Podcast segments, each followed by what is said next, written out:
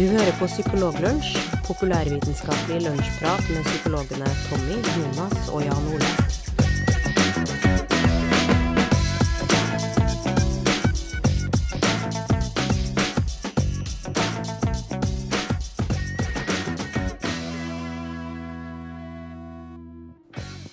Du har høyst sannsynlig ved en feiltagelse klart å snuble inn i en ny episode av Psykologlunsj. Eh, en podkast hvor tre psykologer eh, sitter og prater om psykologi og om eh, noen ganger om helt andre ting.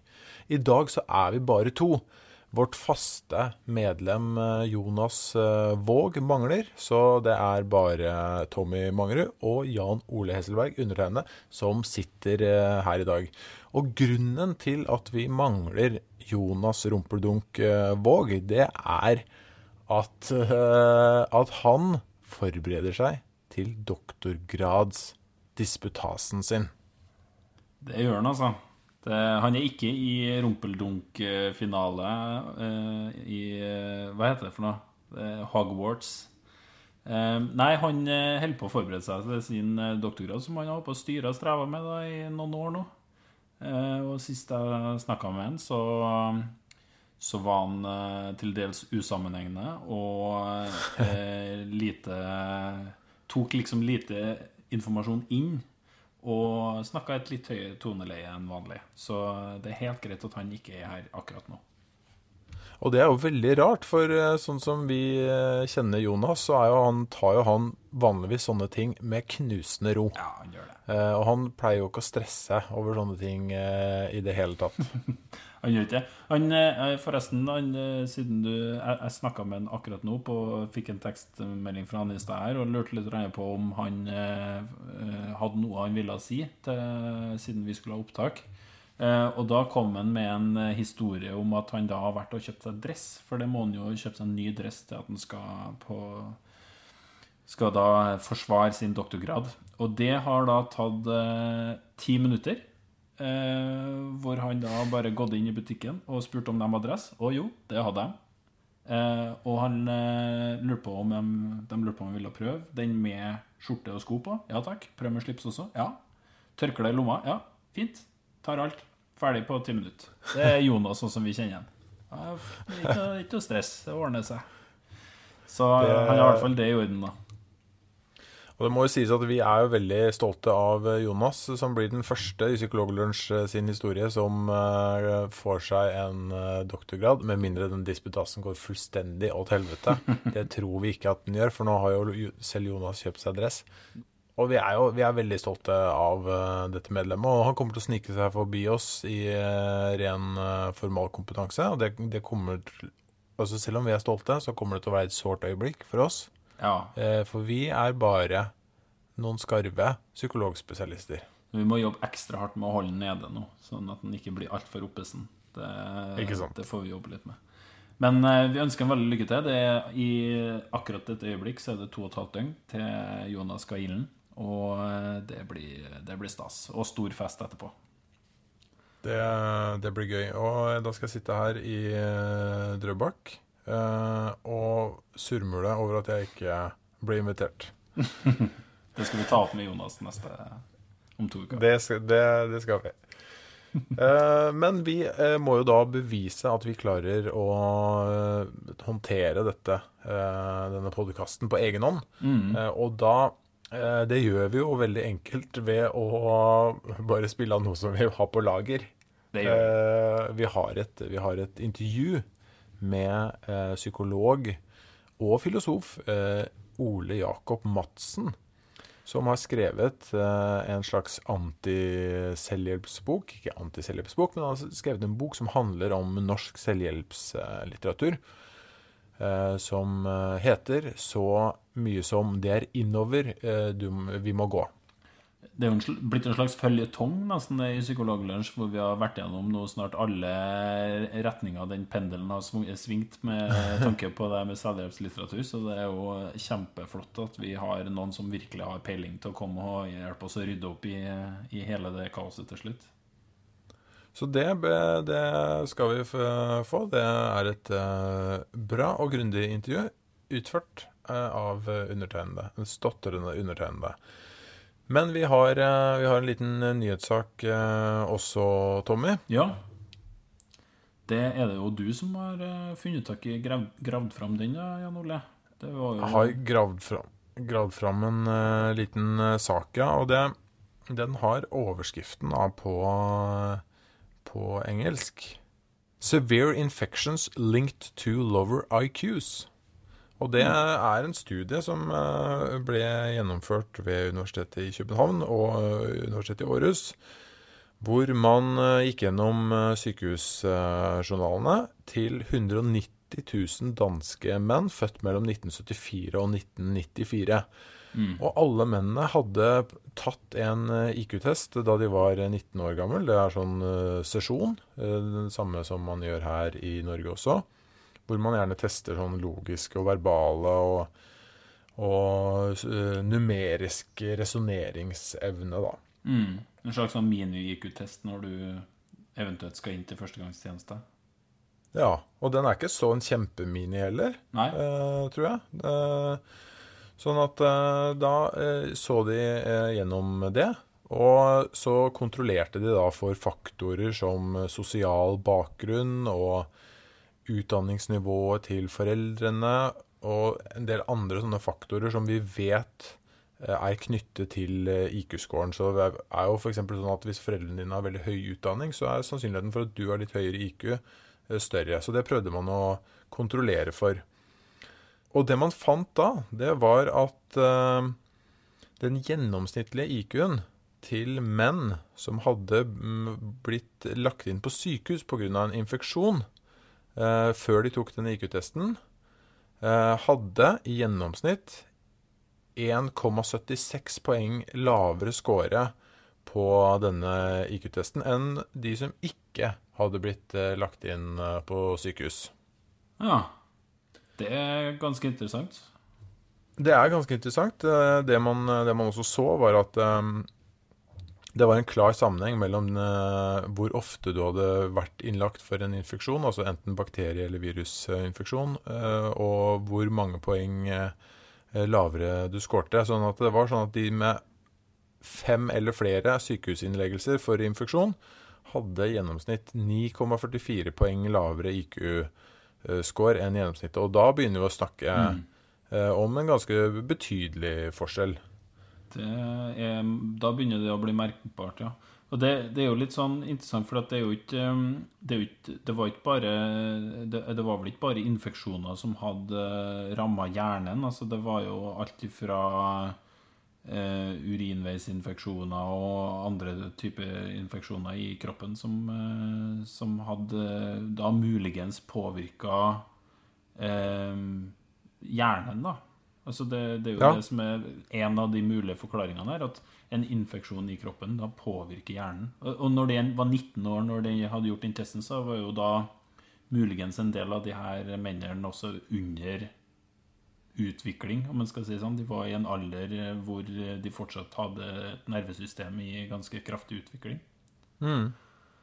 Og det, eh, det, man, det de tenker, tenker seg, er jo at det ikke nødvendigvis er infeksjonen i seg selv som er eh, problemet, eller som skaper eh, denne forskjellen, men at det er det at immunsystemet setter i gang en reaksjon, og at det fører til betennelser eller inflammasjon i kroppen som, som gjør at, at hjernen blir litt skadet av det. Ja. Og det er, jo, det er jo absolutt sånn at man ikke har noe klare svar på det her enda, og det er mange grunner til å være litt sånn avventende eh, for eh, med å trekke slutninger her. Tommy, du hadde noen, noen umiddelbare innvendinger? Ja, eller det, det jeg tenker er jo at uh, det her er typisk sånn problematikk hvor man kanskje Det, det er et sånn såkalt korrelasjonsstudie. Så man ser at det er to faktorer som, som varierer sammen, men man vet ikke om det ene fører til det andre. Det er ikke sånn at vi vet med sikkerhet av den undersøkelsen her at infeksjon fører til lavere IQ-score. Det kan være at det kan være alt ifra at det er omvendt, til at det er en annen faktor som påvirker begge deler. Eh, så det vet man jo ikke. Man kunne f.eks. sett for seg at uh, det var sånn at de som har fått mye infeksjoner, har spiste veldig mye kjøtt, og at det er derfra de har fått disse infeksjonene, og at de andre som ikke har hatt så mange infeksjoner, spiste mye frukt, mm. og at det egentlig var det som var årsaken, at det er et eller annet i kjøttet som gjør at hjernen påvirkes og at det er bra mm. for hjernen å spise eh, frukt. Så det, man kunne ha sett for seg en tredje faktor som forklarer begge tingene. Og det er selv om man prøver å kontrollere for alt mulig rart, så er det litt vanskelig å få til å gjøre det godt nok. Men uansett, det som jeg synes er litt et sånn tilleggspoeng som er litt interessant, er at jeg skrev en, en sånn spalte på psykologisk.no for en stund tilbake om Eh, hvordan eh, eh, både parasitter, men også infeksjoner kan påvirke den psykiske helsetilstanden til folk. da, Mest sannsynlig. En av de eksemplene jeg dro frem der, det var der at betennelser i infeksjoner og betennelser i hjerne- og nervesystemet kan gi symptom som vi kanskje tolkes som psykoser og til og med schizofreni. Eh, så, så, det er bare litt interessant det her at eh, man kan gå litt i, i, en grøft hvor man tenker at det er psykologiske faktorer som påvirker i en del sammenhenger, hvor det er andre ting som kan være en, en, en forklaring på hva som har skjedd også. Så, så det, det, er ikke sikkert at det er bare det å faktorer som har med skole og utdanning og, og, og, gener kanskje, som påvirker IQ. Det kan være at det er faktisk en liten bakterie, en liten mikrobe, som påvirker noe av det. Interessant. Ja, veldig interessant. Og det, det, det vi snakker om nå, er jo miljøfaktorer som påvirker, eh, påvirker hjernen. Og det er vi vet jo veldig godt fra tidligere f.eks. at, uh, at uh, hodeskader, gjentatte hodeskader, selv om de er små hjernerystelser, kan ha en ganske stor impact på, på hvordan, hvordan hjernen forblir etterpå. selvfølgelig At man kan ta skade av det, spesielt hvis man opplever det ofte når, man er, når hjernen er under utvikling.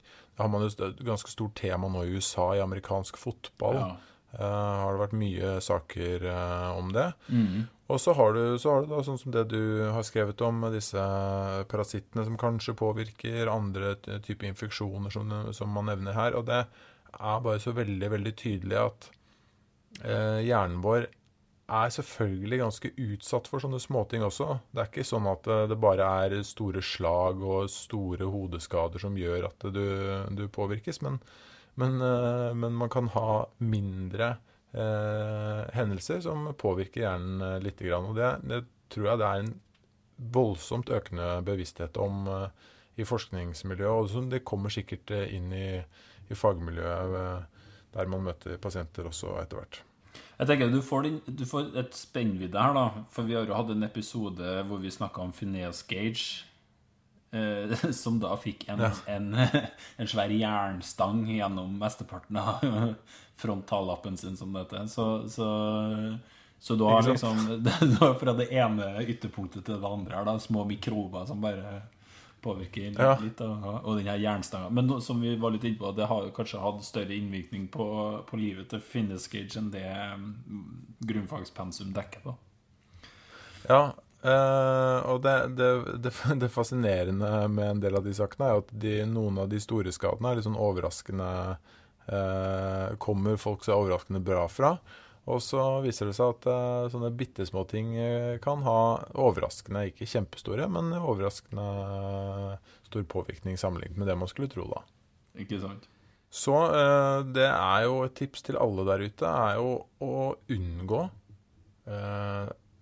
å få altfor mange hjernerystelser. Og så må man prøve å unngå ikke å få masse eh, virus- og bakterieinfeksjoner. I hvert fall ikke sånne som gjør at du blir lagt inn på sykehus. Så hvis, hvis folk har lytta veldig lenge til Psykologlunsj, eh, så kan man huske på i noen av de tidlige episodene at eh, jeg ble gjort narr av fordi at jeg hadde hansker på meg når jeg fylte diesel. Som da egentlig er fordi at jeg ikke liker den diesellukta på fingra, ikke fordi at jeg er redd for bakteriene på Men kanskje det egentlig er ganske lurt?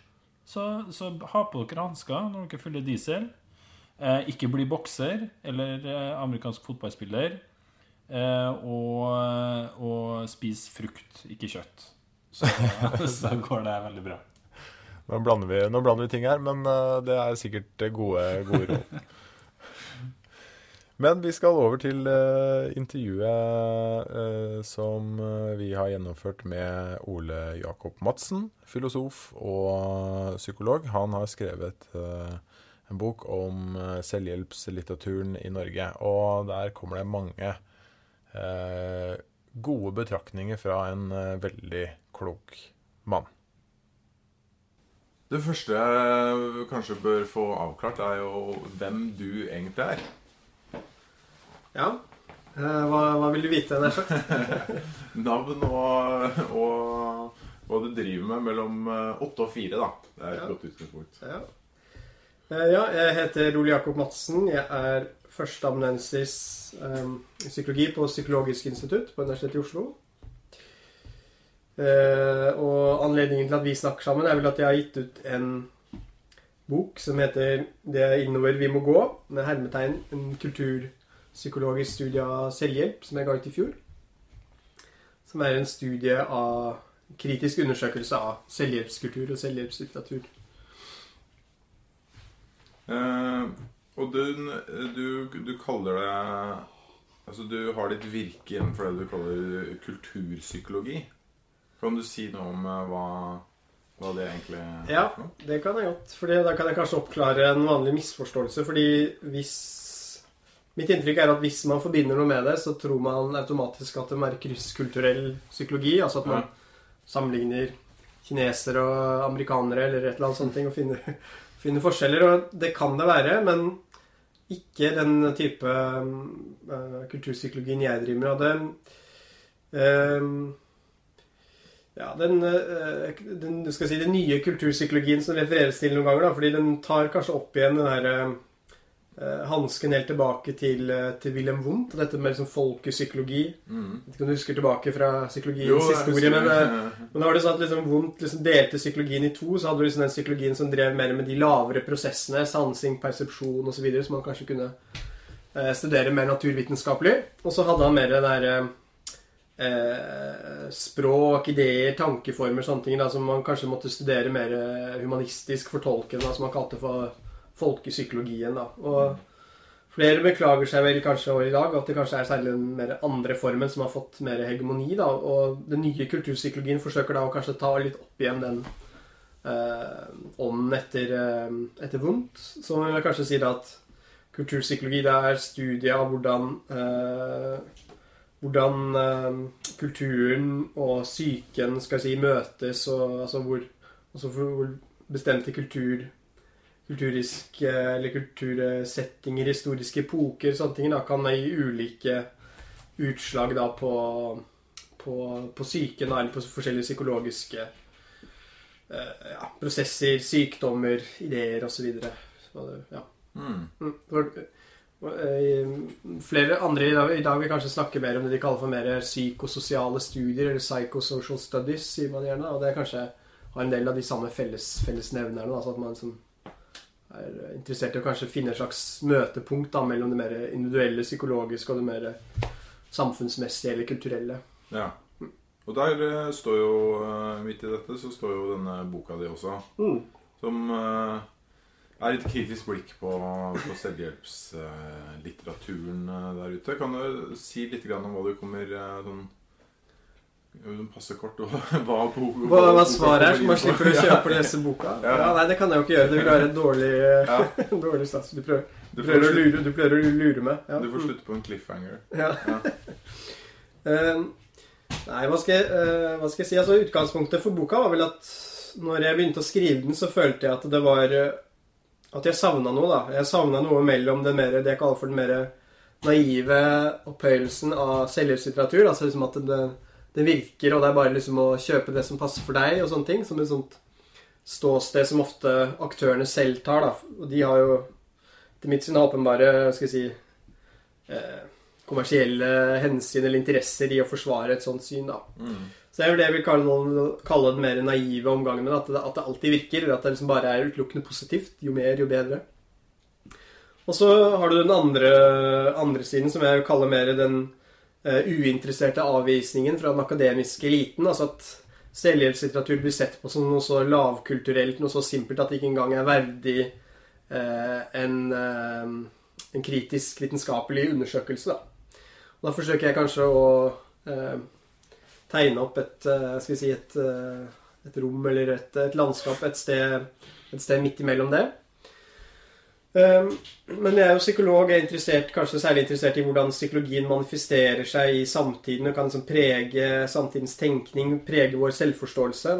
Det vil være et sånt typisk kulturpsykologisk eh, eh, mål da, å, liksom, å forsøke eh, Hvor man kanskje vil si at mennesket, for å forstå seg selv, alltid trenger kulturen i en forstand for å liksom speile seg selv. Og den speilingen kan være gjennom, være gjennom forskjellige religiøse system eller politiske bevegelser, eller, mm. eller mer vitenskapelig, altså at psykologien blir et meningsfellesskap. Da. Og Der tenker jeg at, at selvhjelpslitteraturen da spiller, spiller en, en, rolle da, som sånt eh, en måte å forstå seg selv og sine utfordringer, sine problemer, sine lengsler, sine drømmer på. Eh, og forsøke å realisere de da, så gir veldig mye av selvhjelpslitteratur ulike oppskrifter på hva, hva, du bør gjøre, eller hva som er riktig, riktig for deg å gjøre. da.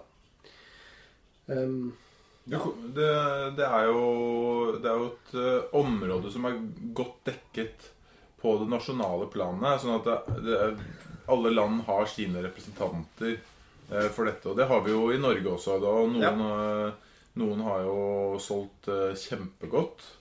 Eh, andre ikke like bra. Men eh, du kommer jo inn på i boka di inn på noen av de norske representantene og hva de, hva de står for, og prøver å trekke noen kanskje noen slutninger om uh, hva som er felles trekk mellom de og sånne ting. Jeg vet ikke, mm. Kan du si noe om noen av de aktørene du kommer inn på, ja. som er kjent for folk? Eh, ja. Eh, eh, den mest, mest suksessfulle selvhjelps forfatteren i siste Norge er vel liksom utvilsomt Erik Bertram Larsen, hvis du ser på salgstallene. da. Eh, nå uh, utgjør ikke han noe stor plass i, uh, i, boka mi, akkurat. Uh, jeg kategoriserer selvhjelpslitteraturen inn etter mer kognitiv inspirert selvhjelp. Altså selvhjelp som jeg knytter tilbake til den kognitive revolusjonen i psykologien, hvor du på den ene siden har med nevrolingvistisk programmering og mer sånn kognitiv inspirert selvhjelp. Mm. Har du noen eksempler på Og eh, Erik Bertram Larsen kan du kanskje si er eh, Driver litt med nevrolingvistisk programmering. Er en veldig fortynna utgave. Da. Du, har liksom, du kan trekke en slags arverekke tilbake til den amerikanske coachen og tidligere amerikanske fotballspilleren Anthony Robins, som driver med en form for sånn avart av nevrolingvistisk programmering, nemlig, som man kaller Neuroassociative Conditioning isteden. Man gikk i lære hos uh, Bandler, tror jeg det var, en av disse uh, opphavsmannene til nevrolingvistisk programmering, som har studert hos, hos mesterne selv, nær sagt. da. Mm. Uh, ja.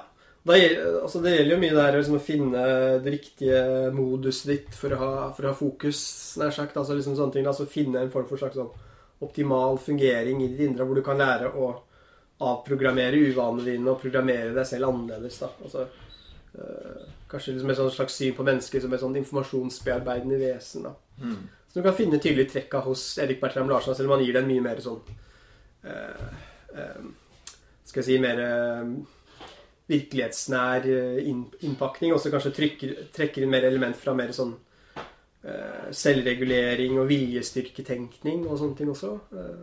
litt oppi det. det det er typisk for selvhjelpslitteraturen at du gjerne finner eksempler som krysser de ulike sjangerne. Eh, altså nesten sånn, jo, flere, jo flere buzzwords de kan bruke på omslaget av boka, jo bedre, bedre er det. nær sagt da. Det kan være så det, det, var den ene typen du beskrev litt. Grann, altså de som slekter på den kognitive psykologien og ja. inkluderer nevrolingvistisk programmering og sånn. Hvilke andre altså, Neste kapittel er om eh, mindfulness, eller oppmerksomt nærvær, som er blitt øh, forsøkt kalt på norsk, men nå har de vel gått tilbake til mindfulness, tror jeg. Jeg tror det er som det, det som er litt stående. Uh, nei, hvor jeg, hvor jeg, trekker opp linjer da fra, fra folk som John Kabat-Zinn og sånne ting, til mer norske eller skandinaviske mindfulness-coacher. Uh, For eksempel Andries Croese, som er liksom en slags sånn grand old man innenfor norske mindfulness-bevegelsen. Hvor jeg gir en sånn analyse av boka hans 'Stress', eksempel. også flere andre norske norske aktører, da, eller uh, som, eh, ja, som anvender det på norske, norske samfunnsforhold eller sånne ting. Mm. Hva, te hva, tenker du er uh, den viktigste kritikken mot, uh, mot uh, disse retningene som du beskriver? Jeg vet ikke. Det, det er kanskje litt vanskelig å skulle rangere det, da, men et påfallende trekk som jeg har sett andre Blant annet den svenske psykologen og sosiologen Thomas Johansson har, har, påpekt, som jeg selv også fant veldig sånn gjennomgående i mye av selvhjelpslitteraturen, er den derre si, tendensen til å snakke samfunnet ned og snakke individet opp, da, hvis det går an å si det litt enkelt. At de ofte i innledningen av bøkene så kan man finne litt sånn narrativ om at vi lever i en, en kaotisk verden osv. Eh, hvor eh, hvor liksom det eneste du kan stole på, er, liksom, er deg selv. da, sånn at um, Andres Croese sin stressbok er et eksempel på det. Uh, jeg kan bare lese et lite utdrag som jeg siterer, hvis du vil bare høre hvordan han gir liksom en slags skildring. Han skriver Jorden er en stor stresskule. Verden koker mens millionbyer vokser og fattigdommen øker. Hvor skal vi gå hvis ikke vi ønsker å rømme og heller ikke vil bli dratt inn i heksegryten? Det eneste vi kan gjøre, er å gå innover. Så det er um, på sett og vis da, så kan du se at han, han, tegner et bilde av en kaotisk verden hvor utviklingen er dramatisk, og menneskets mulighet for å påvirke og skal si, reversere samfunnsutviklingen via mer sånn tradisjonelle kanaler for påvirkning, politikk osv., det har spilt fallitt. Så det er liksom, vi må mer ned på enkeltmenneskets nivå da, for å skape først en forandring i det indre, som så vil bre utover seg til, til det ytre. da. Og jeg, jeg syns jo det da er liksom betenkelig at de da, altså at de da kanskje da er med på jeg si, forsterke en sånn idé om en sånn form for sånn selvforsynt individualisme eller sånne ting. Da. Og i, i, verste fall da skal jeg si villede folk bort fra de kanalene eller områdene som kanskje faktisk ville ha, ha hjulpet de da. Mm. um, andre mennesker, lokalmiljø, altså forskjellige sånne ting. Og liksom mer da um, skaper et sånn narrativ om at det er en sånn eh, indre kode eller en form for slags innstilling eller en forløsning som de må må komme til et svar til i seg selv, da. Um, ja, det kan være en, en slags sånn uh, overveiende, overveiende, bekymring. Og i liksom forlengelse av det så viser jeg også til um, Bertram Russell, den britiske filosofen sin vi kan godt kalle det selvhjelpsbok, som er ment for de store massene fra 1930-tallet. 'Jakten på lykken', eller 'Conquest of Happiness', hvor han bruker seg selv og forteller liksom om hvordan han var deprimert i store deler av oppveksten. Men som han sier, at det var det først når han skal si, uh, glemte seg selv, lærte å glemme seg selv, at han liksom opplevde også at han fikk det bedre med seg selv. da. Han sier liksom at en form for sånn uh, in, I navlebeskuende introspeksjon kommer det ingenting godt ut av, eller et eller annet sånt. Ja. Altså jeg, mener, jeg mener jo ikke å si liksom sånn at hvis man er klinisk deprimert, så skal man bare ta seg sammen. Eller, altså det, er ikke, det, er ikke, det jeg sier. Absolutt ikke. Men men kanskje da for Det kan kanskje se ut som en sånn tankegang da om, om dette er gått litt glemt i dag. sånn at liksom alle og enhver fortelles at de må liksom gjøre disse indre realiseringene eller en form for selvutvikling. da, ikke sant? Sånn. Mm. Det, I Barbara Ehrenreich, som også har skrevet en bok uh, om noen av de samme emnene, trekker jo egentlig litt den konklusjonen at uh, at selvhjelpslitteraturen og ikke minst positiv tenkning da, eh, er et slags sånn det nye opium for folket. Mm. Eh, du trenger ikke bry deg om samfunnsstrukturene, og du trenger ikke å bry deg om omstendighetene du har havnet i. Det er måten du håndterer mm. de på, og måten du tenker på. Det er ikke hvordan du har det, det er hvordan du tar det, som er mm. mm. konklusjonen da, i mye av den litteraturen. Mm. Jeg vet ikke om det er noe du også Jo, eh, så, så avgjort. Altså, jeg kaller det for en form for tilpasningsideologi. da. Så eksempel i bokkapitlet om, om, mindfulness så forsøker jeg å si at det er en sånn en type bekymring her som man kan, godt kan knytte tilbake til til stoikerne, ikke sant? Og, eller mye av den kognitive terapien også, som nettopp kan spille på det her at det er mer, mer livsinnstilling, en livssituasjon som betyr noe. ikke sant? Det er ikke, det er ikke hvordan du har det, men hvordan, hvordan du tar det. At, at det åpenbart har en, har en ideologisk uh, slagside, nær sagt. da. Uh, og Ja, så, altså Jeg tenker noe sånn at alle, alle aspekter i livet har sannsynligvis en, en subjektiv side og en, en objektiv side. Det er sikkert et, et, element av sannhet i den her Det er ikke hvordan og du har det med hvordan du tar det, men, men at når det skal si, selges tilbake til enkeltmennesket som en form for sånn eh, type politikk, da, eller, eller når selvhjelp blir liksom institusjonalisert i barnehager, i skoler, altså den type tenke, tenkemåten, der sånn, tenker jeg kanskje at varsellampene bør, bør, blinke litt. At den også blir, blir, bør bli møtt med visse motforestillinger og sånne ting, da, som, som hun også gjør. Mm. Ja, for, eh, for, problematiseringen av en del av disse tingene tenker jeg altså er litt sånn fraværende i mye av eh, litteraturen. Mm. Uh, ja, altså Jeg kan faktisk Det kan jeg korrigere deg litt. Eller altså ja. um, Det er både riktig og, og litt uriktig. Altså det Jeg har lest mest norsk selvhjelpslitteratur, da. Uh, og det jeg finner, er at det er en veldig stor uh, variasjon. men i enkelte av bøkene så kan man finne sånn gode ansatser til skal jeg si, både samfunnskritikk og kritisk tenkning, og eh, også skal si, kanskje en del av de utviklingstrekkene som fremmer selvhjelpskulturen.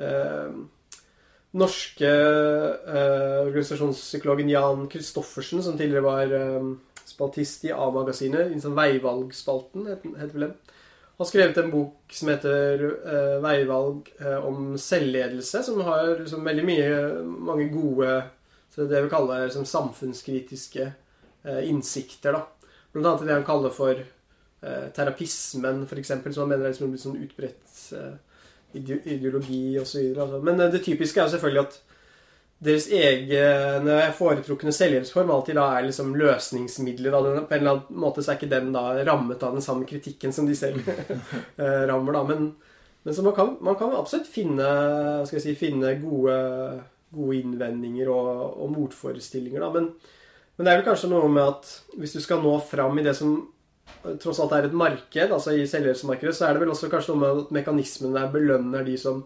roper høyest, lover mest. altså sånne ting. Altså Du kan ikke du kan ikke selge en, en, eh, en selvhjelpsbok med liksom selvfølelse, kanskje. Det er liksom mer selvfølelse nå, utropstegn, eller enda mer selvfølelse, utropstegn. Så det er liksom Det er vel noe med liksom at det, den kanskje også tvinger en del av de til å til å fremstå som om de, eh, de, kan love mer enn de faktisk kan holde også, på sett og vis. Da. Hvis de skal, skal, nå frem, eller sånn. Mm. Mm.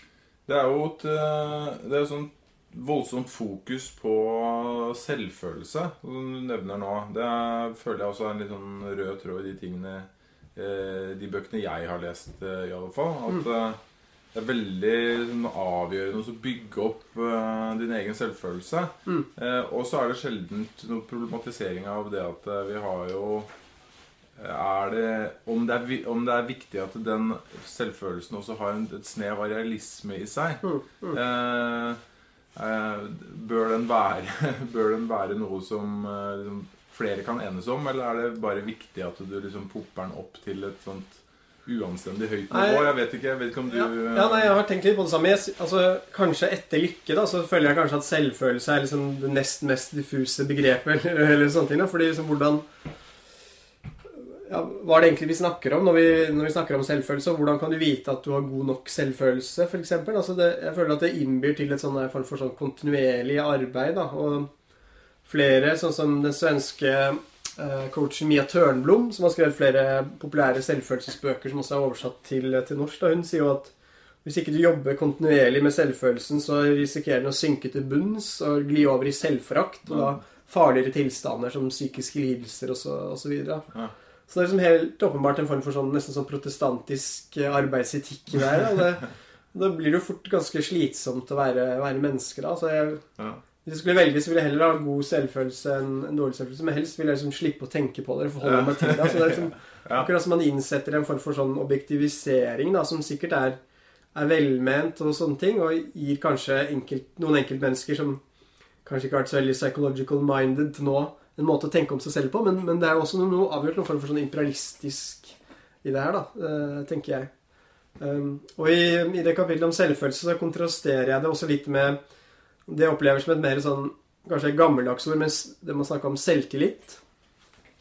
Fordi det, det blir gjort et veldig stort poeng i veldig mye av selvfølelseslitteraturen. Ofte veldig tidlig at selvfølelse og selvtillit er to forskjellige ting. Hvor selvtillit bedre blir satt i forbindelse med si, den gamle verden, hvor det var mer en sånn prestasjonskultur, hvor du blir målt ut fra hva du faktisk presterer, og liksom sant? Så kan du ha selvtillit uh, i forhold til bestemte ting. Altså det å være god i matematikk, det å kjøre bil. Altså det er veldig sånn kontekstavhengig, og du vil alltid sammenligne deg selv med andre, da. Men selvfølelse mer da blir beskrevet som en sånn type indre bevissthet, følelse av et verd, som er liksom mer uavhengig av andre mennesker og, og prestasjoner, da.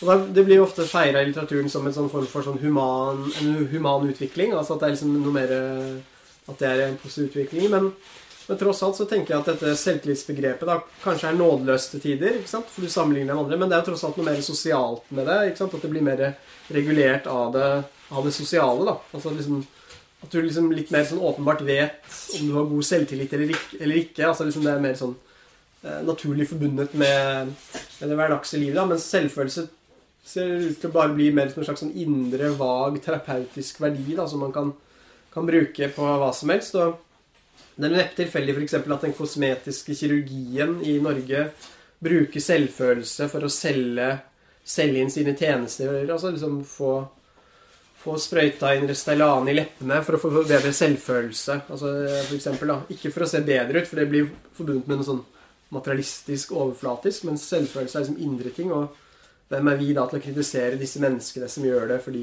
ja, Mm. de vet best selv hva som er riktig for seg og sin selvfølelse. Så, mm.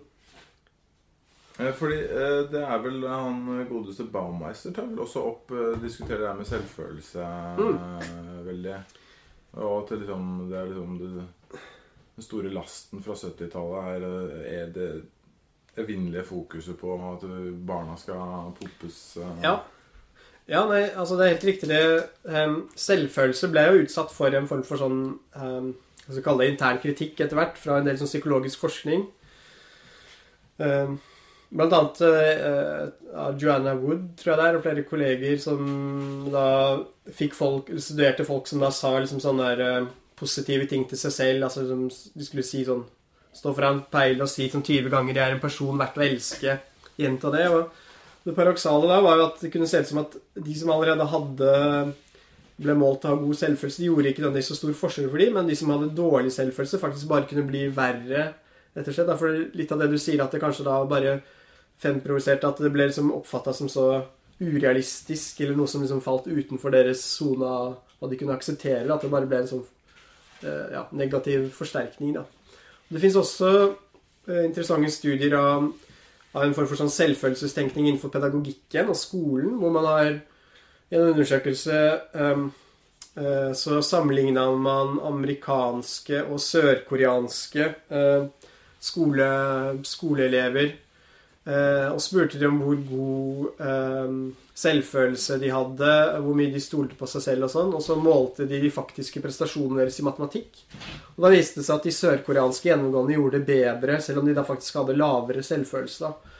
Og det blir, En forklaring kan være at Altså at Hvis du forteller eh, elever hele tiden at de er liksom veldig, de er unike, de er briljante, de er så flinke, så blir de kanskje mindre risikovillige. altså mer, De får da en status som, at, som er lettere å tape, sånn at de da ikke så lett tør å gi seg i kast med vanskelige problemstillinger, mattestykker. da, fordi, de, fordi Hvis ikke de klarer det, så vil det da utfordre deres bilde av dem selv som intelligente, eh, selvfølende osv. Så, videre, da. så, så det er kanskje også da som Baumeister også skriver, har ført til kanskje en, en form for sånn tenkning at det er mer sånn hard trening og disiplin, og en del av de verdiene kanskje da må komme mer inn igjen i, eh, i skolen, f.eks.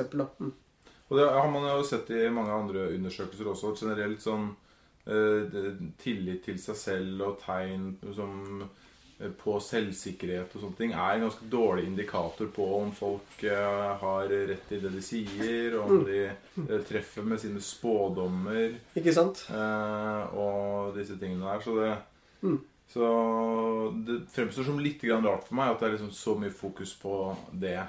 Eh, samtidig som man jo skjønner at det å ha en god selvfølelse føles jo Det sier seg jo selv. Det er jo noe sirkulært ved det også, at det, det føles godt. Na, naturligvis. Og, ikke sant, det, altså det, nå hørtes jeg jo veldig kritisk ut i stad, eh, og det er jeg fortsatt. Men altså, det er vel det er vel kanskje bare det siste ordet vi har. da, på en form, altså Det har blitt et populært ord på en slags indre velvære, eller en form for ja, psykologisk eh, eh, Skal vi si eh, fungering, eller altså eh, ja, lykke, Kanskje et annet ord for, for, lykke, kanskje også, på sett og vis. Eller en tilfredshet, kanskje. Noenlunde tilfredshet. Mm. Det bare ser ut til å ha fått et, et veldig sånn stort gjennomslag. Uh, kan, uh, ja, Jesper Juel var nok en av de mest sånn, uh, har vært nok en, en mer sånn innflytelsesrike den danske familieterapeuten som har skrevet veldig mye i norske aviser og sånn også for en form for sånn selvfølelsestenkning. da. Uh, hvor han liksom beskriver det som et sånt kvantesprang i menneskets utvikling. At vi nå er de privilegerte generasjonen som virkelig har liksom muligheten til å skal si, tiden, ressursene til å, til å kjenne etter og bli bedre kjent med oss selv osv. Fremfor Eh, en mer sånn ja, Distansere det mer til en sånn selvtillitstenkning i oppdragelse og sånne ting. Da, som var mer um, at, ba, at, barn da i større grad ble verdsatt for om de gjorde det bra eller ikke. Da. Det, det høres jo da Han har jo sikkert rett i at det er fremskritt på noe i noen henseende også, kanskje. ikke sant? At det er liksom mer sånn Du er verdt å elske uansett, eller, eller sånne ting. Men, men, det kanskje kan bli for mye, mye av det gode da, i en del ja. ting. Altså. Mm. Det er i hvert fall mulig å tenke seg at mm. Eh, det kan bli det. Og kanskje noe som tyder på at det faktisk uh, er sånn også. Mm. Men uh, altså kritikken av uh, Du har jo nesten blitt Du har nesten blitt mainstream, du nå. For kritikken av selvhjelpslitteraturen har jo fått en sånn voldsom popularitet. Mm. da Altså delvis da gjennom boka til den danske psykologiprofessoren Sven Brinkmann, som vi også har snakket om i Psykologlunsj tidligere.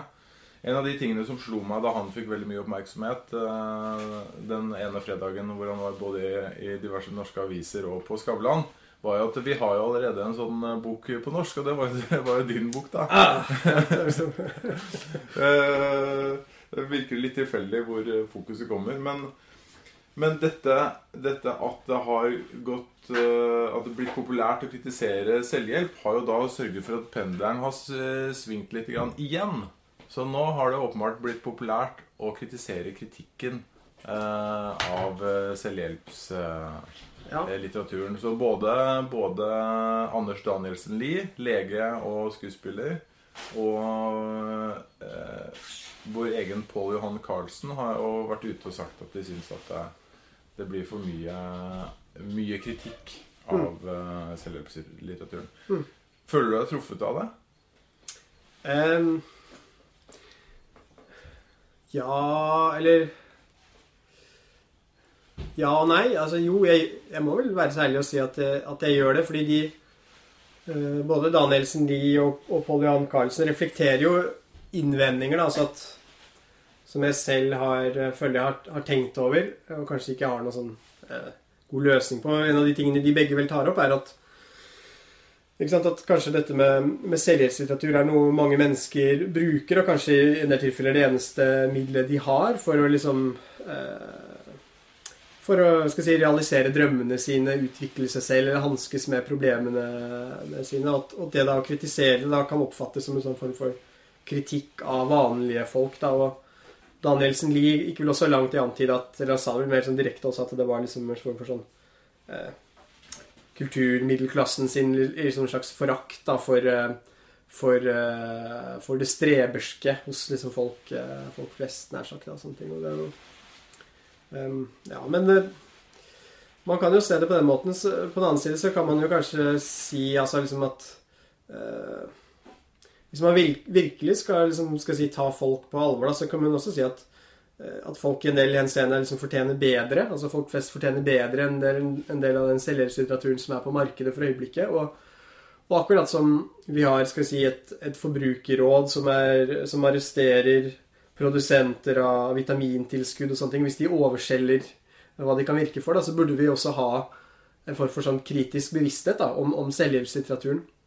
Uh, og jeg føler vel kanskje noen ganger at altså for eksempel kritikken av altså Danielsen Lie er jo en fastlege, og fra hans perspektiv så føler jeg, liksom, får jeg liksom, liksom litt følelsen at det er en fastleges eh, ønske om å hjelpe folk der han heller ikke har noe annet å tilby. Og hvor han tenker liksom at det å dosere eller skrive ut selvhjelpsbøker da blir en form for sånn medisin som kan gi mening, eller, eller sånne ting. Da. Um, og tja, jeg vet ikke. Det, han gikk jo langt ut også i den kronikken mot Brinkmann som da snakker om sånn selvets religion og sånne ting. Men altså, er det ikke nettopp i en sånn type kultur, da, det jeg kaller en terapeutisk kultur, hvor det plutselig har blitt fastlegen sin oppgave å skrive ut mening for folk? Altså, kan man ikke også da kanskje stille spørsmål om, om det er noe i veien med mer med hele samfunnsformen, altså senmoderniteten vi lever i, da, hvis det er sånn at liksom folk mangler så mye mening at de må liksom til fastlegen sin for å få skrevet ut, ut det. da, altså liksom ja, og Selvhjelpslitteraturen vet liksom å kapitalisere også på dette. At det er liksom sant, at vi lever i en veldig sånn individualisert tid hvor, hvor, folk har muligheten til å kunne realisere seg selv. Hvor de også da har muligheten til, eller risikoen da for å gjøre feilvalg, eller at de aldri helt kan vite om det de gjør, er, er det riktige for dem. ikke sant? Altså det, det risikerer også å komme inn i en sånn form for retningsløshet eller eksistensiell angst osv. Og, og, og da mener jeg at det er, det er viktig å være kritisk til de, de virkemidlene eller de midlene da, som enhver tid, enhver tid uh, tilbys. Så på en måte hvis noen blir lei seg eller føler seg tråkka på av det, så får det være liksom so be it. Altså, jeg tror uh, jeg tror min bok solgte inn sånn 500 eksemplarer eller noe sånt i første året, så jeg tror også det er liksom å overvurdere at uh, mine hva skal si, eh, overvurdere hvor langt ut jeg når, da, hvis man tenker at liksom, folk blir, blir, lei seg at jeg har skrevet noe i en bok på universitetsforlaget som eh, ble gjengitt i eh, en eller annen kronikk i, i Morgenbladet eller noen sånne ting. Da. Så du kan jo Jeg tror faktisk folk flest der lever helt fint med det, for å si det sånn, og, og fortsetter å kjøpe selvhjelpsbøkene sine med, med, god samvittighet. Det er vel kanskje ingen grunn til å anta at den, det markedet kommer til å dø ut med det første. Nei. det er det vel ikke. Eh, jeg har bare lyst til å ta opp eh, en ting. Jeg leste et intervju med deg i eh, forskning, på forskning.no. Ja. Og der var det jo en, en, betydelig andel av det intervjuet var jo dedikert til dine seerbaner. Ja. Altså hva du ser på TV. Og der sto det at du heller ville se på Farmen enn Forsker Grand Prix. Og så sto det, men det sto også kommentert at du, at du hadde et sånn intenst ubehag du, hvis du så på Forsker Grand Prix. Ja. Hva er grunnen til det? Jeg, det er jo fristende, eller det kan jo være sånn selvinnførende å si at det er, det er fordi jeg har liksom så overutvikla empati, holdt jeg på å si. Så er det liksom en slags empati med de som står der og ja, er, nervø er, nervøse. Det er speilnevronene som ja.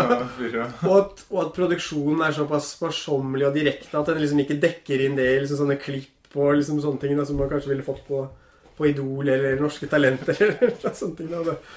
Og jeg syns jo Altså, ja. Um, så det er et eller annet med Jeg vet ikke om du har sett det selv. Ja, det, det pleier å gå på Kunnskapskanalen ikke noe. Men det er liksom et eller annet med hvordan det fremtrer i, i TV-ruta. Så jeg, jeg, foretrekker kanskje TV som har liksom mer det elementet av en slags sånn illusjon. da, sånn liksom at det, det skaper en eller annen form for sånn eh, hverdagsmagi gjennom, gjennom det. da, mens mens liksom forskerne blir for liksom realistisk igjen. altså ikke, Jeg er ikke interessert i å se ikke interessert i å se vanlige mennesker eller forskere som står og knoter med en powerpoint-presentasjon på TV. Det har liksom, har jeg nok av i hverdagen. Sånn. Ok, Så vi får ikke se deg der eh, med aller eh, Nei, det, det, det, kan jeg ikke tenke meg. Nei. Nei. Ja, men Det er kjempefint. Eh, takk skal du ha for tiden din. Bare hyggelig. Det var eh, intervjuet med Ole Jakob Madsen. Sjekk ut eh, bøkene han har eh, skrevet. Mm. Og Tommy, du har klart å snuse opp at han er mulig å eh, se også? Ja, for, livet. Yes, fordi av dere som lytter som er psykologer eller psykologistudenter, så er Ole Jakob Madsen en av de personene som bidrar på Psykologikongressen 2015. Eh, som foregår den 3. og 4. september. Så det, der er det flere andre interessante folk, som bl.a. Steven eh, Hayes. Som egentlig litt synd at eh, Jonas ikke er nå, for jeg vet at Jonas er veldig eh, opptatt av han. Eh, det kan jo være at vi kan komme tilbake til senere. Eh, Men Ole Jakob Madsen bidrar med det foredraget om den terapeutiske kultur da den 3. september. Sjekk det ut.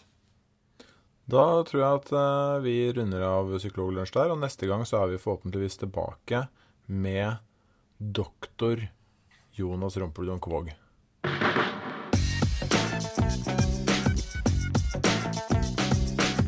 Du har nå lytta til Psykologlunsj. Har du noen spørsmål, kan du søke opp Psykologlunsj på Twitter, eller du kan sende en e-post til psykologlunsj alfakrøll gmail.com. Mer informasjon om temaet du har hørt i dag, finner du på psykologibloggen.no og tankesmed.no.